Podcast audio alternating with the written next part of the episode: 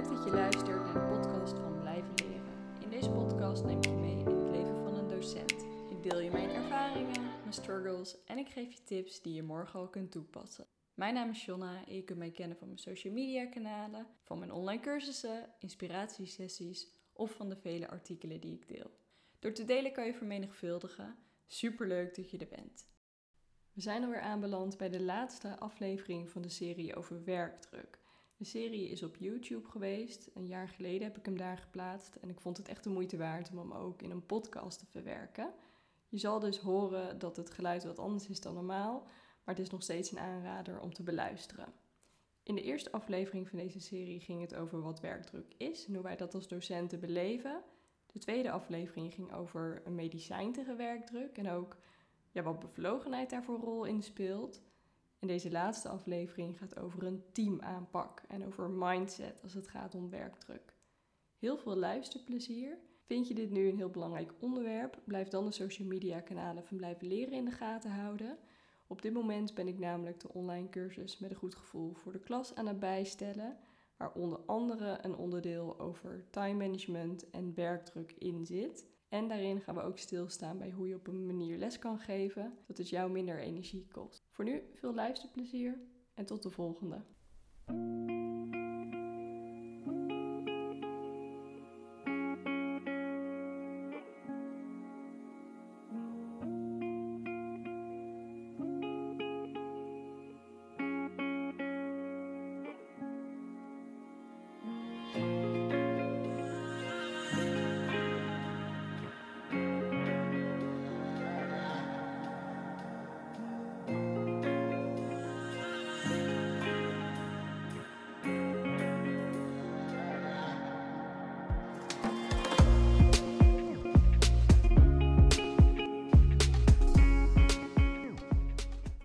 Toch wel um, wat eerder genoemd is dat er een overeenstemming komt tussen de externe verwachtingen en de visie en de doelen van de school.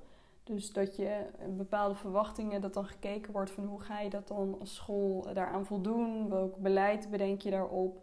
En dat dat kloppend is met elkaar, zodat je niet continu het gevoel hebt dat, dat je een soort van ja, heel hard aan het werk bent, maar um, ja, dat je met de verkeerde dingen aan de slag gaat. Dus eigenlijk de vraag: doen we de juiste dingen? Je zou als um, afdeling kunnen kijken naar maatregelen die te maken hebben met het hanteerbaar maken van de situatie, uh, het leren omgaan met de situatie, maar ook um, ja, om te kijken van hoe kan je voorkomen dat mensen uitvallen en een combinatie van die dingen.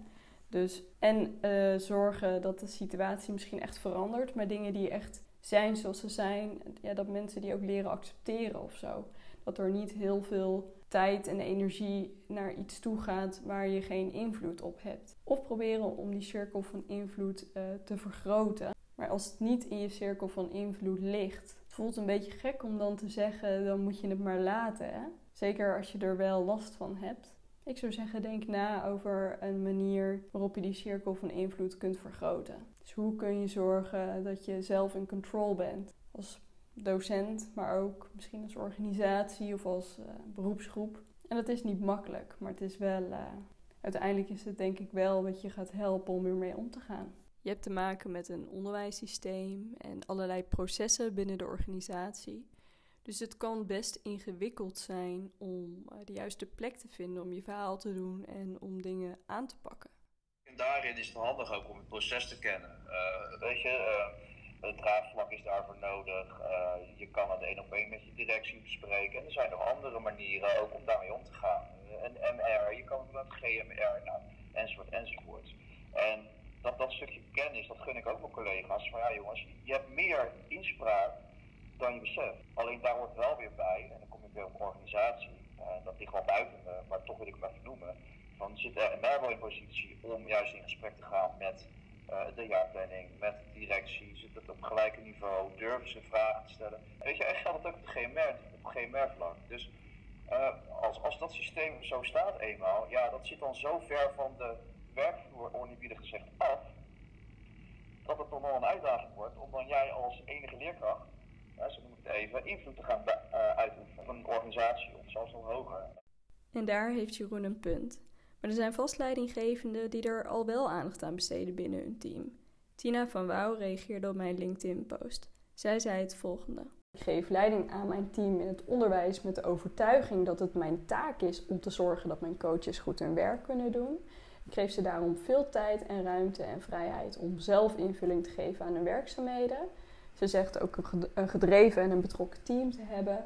Ehm, en mensen die met zelfsturing om kunnen gaan. Dus dat is wellicht wel een belangrijk onderdeel. Ze zegt, soms zullen mensen vanuit huis werken, dat is prima. Alleen het is wel belangrijk dat er altijd vervanging is of dat er een afspraak verplaatst wordt als dat echt moet. Zij zegt, ehm, ja, ik ben degene met de eindverantwoordelijkheid. Maar wat ik wel doe is veel overleg hebben met mijn team en samenwerken met mijn team. Super fijn dat Tina dit zo aanpakt met haar team. En wat zijn nog andere manieren om de werkdruk te verminderen? Lean werken. Dus wat ik daarmee bedoel is echt heel kritisch kijken ook weer. Uh, en vanuit, uh, vanuit efficiëntie, hoe worden nu structuren in een organisatie van, van boven naar beneden ingericht, maar ook in de breedte. Dus dat bedoel ik ook, uh, hoe, gaat het met bouw, bouw, bouwcoördinatoren, of hoe zijn de buddy systemen. Dus hoe verloopt dat nu?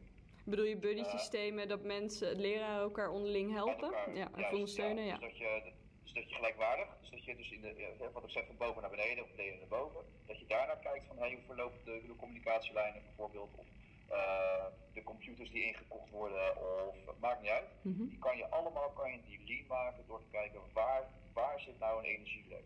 Of waar zit een, een, een, een, een fase, of waar zit een schakel waar heel veel energie uiteindelijk naartoe gaat, wat geëlimineerd kan worden. Ja. En werken, dat doen ze in grote bedrijven, Bol.com, nou, noem maar op. Uh, dat zijn gewoon hele interessante uh, structuren om te gaan bekijken op stichtingniveau. Ik heb zojuist uh, drie kwartier gebeld met Pauline Knol en zij heeft als missie om docenten te helpen om regisseur te worden van hun eigen werkgeluk. En wat ik wel heel erg mooi vond aan het gesprek en hoe zij erin staat, is dat zij echt bepaalde taal gebruikt en zich heel erg focust op echt dat werkgeluk. Uh, zonder te ontkennen dat werkdruk ook echt daadwerkelijk bestaat. Uh, waarin ze wel benoemde dat dat natuurlijk een neutraal woord is. Iedereen ervaart dat op een andere manier. Nou, dat is in de eerste aflevering ook wel naar voren gekomen. Werkgeluk is iets van plezier. Dat je met energie voor de klas staat. Dat je het leuk vindt om naar je werk te gaan. Waarom uh, stelde zij zichzelf de vraag, en misschien ook jullie wel de vraag: hebben we geen werkgelukbeleid? En hebben we het over een werkdrukbeleid. Zij focust zich heel erg op het positieve, of uh, beter gezegd, in hetgeen waar je invloed op hebt. En dat vond ik wel heel erg krachtig aan haar verhaal. Er zijn een aantal dingen die zij noemde die ik graag met jullie wil delen, omdat die verder gaan dan gewoon even de kleine oplossingen die uh, jou morgen kunnen helpen om je dag goed in te delen. Zij spreekt echt over zaken die met mindset te maken hebben. Eigenlijk wat in al deze afleveringen ook al wel een beetje naar voren komt. Alleen ze heeft concrete voorbeelden van hoe je ja, daar vorm aan zou kunnen geven. Zo zegt ze bijvoorbeeld: zorg ervoor dat je uh, voorkomt dat je in een energielek komt. En voornamelijk in vergaderingen gebeurt dat vaak. Ze is zelf leerkrachtcoach geweest, dus ze weet uh, hoe je op een methodische, effectieve en doelgerichte manier kunt vergaderen Waardoor je dus minder tijd verliest aan nou ja, onzin dingen of dingen die juist negatieve energie geven. Schaf die vergadering af. Kom wel bij elkaar, maar ga verder uh, werksessies organiseren. Waarin je doelgericht besluit: dit is waar we mee kampen, dit is wat we zouden willen. ga daar een visie op vormen met elkaar. En ga op basis daarvan aan de slag. Actie. Niet achteruit hangen, soort van het je laten overkomen, maar zorg dat je in control bent en dat je invloed uitoefent op de situatie. Een mooie aanvulling daarop vond ik dat ze zei: zorg ervoor dat je dat dan ook uh, met goede werkvormen doet. Hoe vaak, en dan spreek ik even vanuit uh, mezelf, wat ik van mensen hoor of uh, ja, wat je toch ook wel eens ziet gebeuren, um, wordt er niet een soort onderwerp aangesneden in een vergadersessie? En wordt daarover gesproken, maar worden er vervolgens niet echt knopen doorgehakt. Of ja, gebeurt er wel iets, maar ja, heeft het weinig resultaat. Zorg ervoor dat er iemand eigenaar is van hetgeen wat hij of zij inbrengt. Een werkvorm bedenkt om ja, ergens over na te denken, of in ieder geval met een bepaald doel. En zorg dat die ook afgetikt wordt, zodat iedereen naar buiten loopt aan het einde van die sessie en het gevoel heeft weer een stapje verder te zijn. Ik zelf eh, vind dat ook heel erg waardevol als je op die manier werkt, omdat dat echt energie geeft. Die energielek voorkom je dus op die manier. En je krijgt echt een teamgevoel. En dat is ook wel iets wat Pauline zei. Je bent achter de schermen een individu of een groep individuen. Voor de schermen ben je echt een team en moet je een geheel zijn. Je moet elkaar steunen. Als iemand een foutje maakt, los dat dan op. Geef het even door. Zorg dat iemand het dan de volgende keer anders doet. Maar ga iemand in ieder geval wel uh, steunen in plaats van afvallen. En zo benoemden ze eigenlijk een aantal dingen die je dus als team kunt doen in hoe je bijvoorbeeld je uh, manier van vergaderen organiseert, maar ook in je mindset en hoe je naar voren treedt. En daarbij ook dat je bepaalde taal spreekt, dat je positief bent, dat je besluit: oké, ik wil ergens misschien mijn verhaal over kwijt. Dat mag, dat kan en dat moet. Ik bedoel, op het moment dat mensen zich niet meer gaan uiten, uh, is dat ook niet helemaal de bedoeling. Maar realiseer je wel wat het effect is van iedere week dingen noemen waar vervolgens geen oplossing voor kan komen. Dus op die manier kun je toch binnen je eigen cirkel van invloed je steentje bijdragen aan een fijn teamklimaat, wat ook weer zorgt voor draagkracht, waardoor je wat makkelijker om kunt gaan met eventuele werkdruk. Ik deelde net al even hoe Tina met haar team werkt, maar wie is Tina eigenlijk en wat voor tips heeft zij voor andere leidinggevenden? Uh, zij is projectleider voor het maatwerktraject Onderwijs en Arbeid. En dat is onderdeel van de regionale VSV-bestrijding Haaglanden. Waarbij VSV met voortijdig schoolverlaten te maken heeft, uiteraard. En um, dit zijn 16-plus eh, jongeren van het praktijkonderwijs of VSO-scholen voor jongeren met multiproblematiek. Ze geeft nu geen les, omdat haar uh, project heel erg gegroeid is. Zij leidt dat project en, en, ze zegt: Mijn advies zou zijn aan schoolleiders om jezelf bij te scholen. Neem die ruimte. Zorg ervoor dat je weet hoe je om kunt gaan met werkdruk. Zelf heeft zij een master gevolgd, de Master Educational Leadership. Waarvan ze zegt dat is echt een cadeau voor mijzelf. Dat zorgt er echt voor dat ik nu beter weet hoe ik mensen in hun kracht kan zetten. Wat uiteraard ook een belangrijk onderdeel is als het gaat om werkdruk. Dat mensen het idee hebben dat ze in hun kracht staan. En uh, waar ze dat niet weten, hoe ze dat moeten doen, dat jij dat dan misschien als leidinggevende ja, met ze kunt bespreken of daar een onderdeel van kan doen. Het verhaal van Tina kan ik samenvatten als dat zij durft vrijheid te geven om in het samen te zitten. En ze geeft wel aan dat er een aantal omstandigheden zijn waaronder uh, zij het idee heeft dat het kan in het team waar zij leiding aan geeft.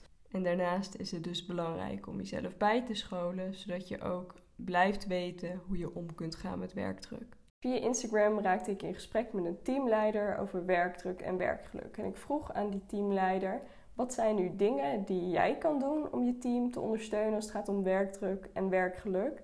En wat zijn dingen die jouw werknemers zelf zouden kunnen doen?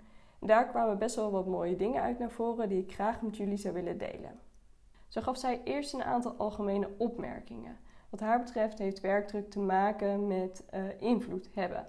En zij probeert dus ook om leraren invloed te hebben, te laten hebben gedurende het schooljaar, zodat dat een minder werkdruk oplevert. Bijvoorbeeld als het gaat om het rooster. Dan geeft zij vier weken van tevoren aan wat het conceptrooster is.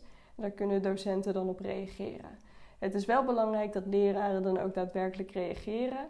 Want dat zou bijvoorbeeld ervoor kunnen zorgen, als zij het dan ook voor elkaar weten te krijgen bij de roostermaker. Dat leraren vaker in hetzelfde lokaal zitten, dat ze meer of minder tussenuren hebben. En voor sommige leraren zorgt dat ook daadwerkelijk voor een vermindering van de werkdruk. Daarnaast vindt zij het heel erg belangrijk dat je een cultuur hebt waarin je probeert om constructief te, mee te denken over mogelijkheden. Dus op het moment dat je als leraar ergens tegenaan loopt, dat je dan um, niet alleen maar dat je ook aangeeft wat je graag zou willen. Want dat helpt haar namelijk om dat ook echt te realiseren voor het team. Zij probeert het ook te stimuleren door daar concreet naar te vragen. En ook om te vragen van, hé, hey, wat, wat is je doel? Wat wil je bereiken? En ja, wat, wat zou kunnen helpen om dat voor elkaar te krijgen? In plaats van dat je bijvoorbeeld primair reageert of niet in oplossingen denkt. En op die manier probeert zij ook uh, de teamleden um, ja, eigenlijk te helpen om te formuleren wat zij graag willen, zodat zij dan weer kan kijken of ze dat kan organiseren voor het team. Zelf geeft ze aan ook veel werkdruk te hebben, omdat het gewoon een drukke baan is uh, die zij heeft. En wat zij zelf doet, is uh, een mailbox maken met cc'tjes die ze sporadisch leest. Dus dan hoeft ze niet altijd al die mails te lezen. Want als het echt belangrijk is, zal het wel meteen aan haar toegericht zijn. Ze werkt één dag thuis, waarin ze niet alleen brandjes blust, maar ook echt op de middellange termijn dingen probeert op te pakken. En eh, dat helpt haar heel erg om ook echt de focus op het grotere geheel te behouden. En ze stimuleert mensen dus om ook echt zelf met ideeën te komen. Dus als iemand bijvoorbeeld een bepaalde behoefte heeft, eh, dat daar ook trainingen op komen. En complimenteert ze de mensen die dat hebben aangeleverd of die dat hebben ingebracht.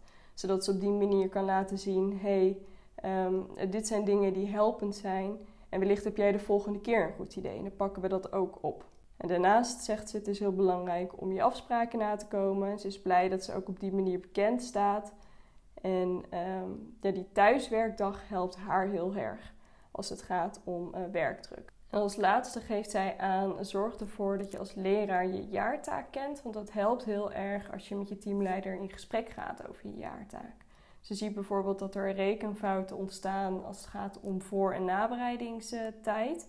Dus zorg dat je dat snapt, zodat je ook uh, de juiste vragen kunt, stellen om uiteindelijk ervoor te zorgen dat je minder werkdruk ervaart. Daarnaast zegt ze: ga in gesprek met je teamleider over resultaten in plaats van over uren.